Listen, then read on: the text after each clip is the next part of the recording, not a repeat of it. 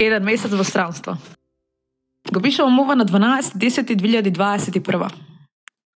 Пред точно еден месец стигнав во Варшава, градот каде сега живеам сама и ќе живеам во наредните три години. Во превод, веќе цели 30 дена сум во странство, на точно 1657 километри од дома. Како е таму, Калина? Вака е како што ќе кажам сега. Половина фамилија ми се наоѓа тука. И баба, и дедо, и тетки, и чичковци, и братучеди, и себени пријатели. Не сум сама.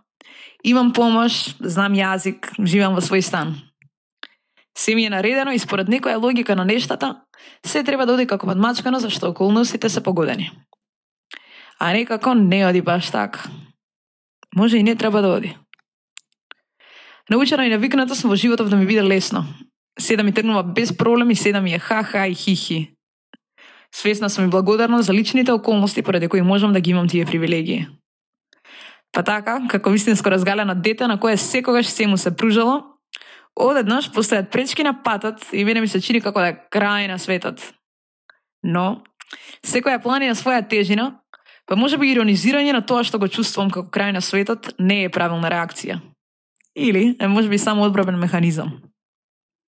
Не е страшно и нема ништо да ми се случи ако си признавам сама на себе, а преку колумнава и на светот, дека транзицијата која доживувам не ми е лесна.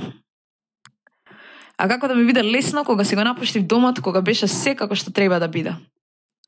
Како да ми биде лесно кога во Скопје имам најубав стан, родители, сестра, баба, вујко, другари, љубов. Мои места и мои луѓе и моја репутација и живот и пријателства и односи и кариери и активности кои сум ги градела со години и години.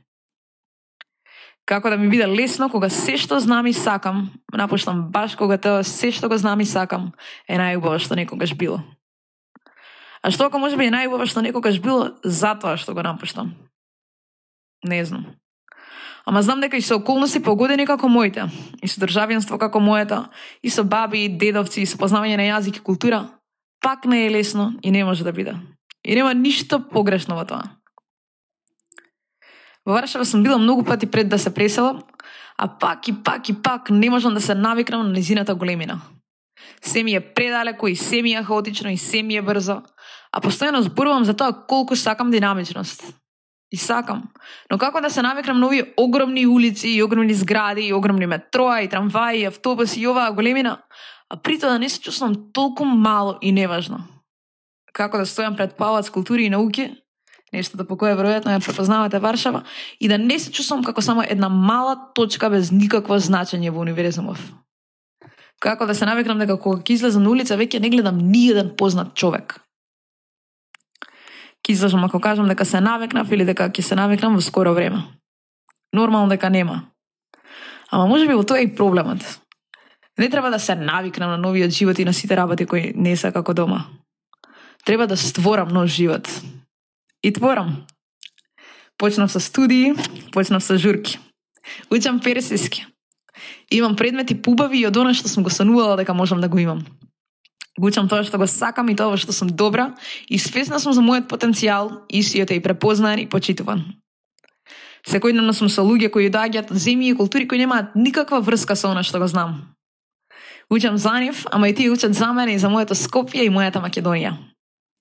Учам во која продавница треба да пазарувам за да биде и квалитетно и ефтино. Научив да перам. Се бидувам да чистам секој ден, дури и работи кои не сум мислела дека се чистат секој ден. Одеќе ја купувам работи чие постоење не сум го изрегистрирала никогаш предходно.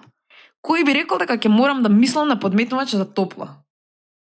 Конечно, користам јавен превоз кој е совршено организиран. Динамичен нокен живот постои во текот на неделата. Јадам веганска сириска храна. Ке си купам грамофон.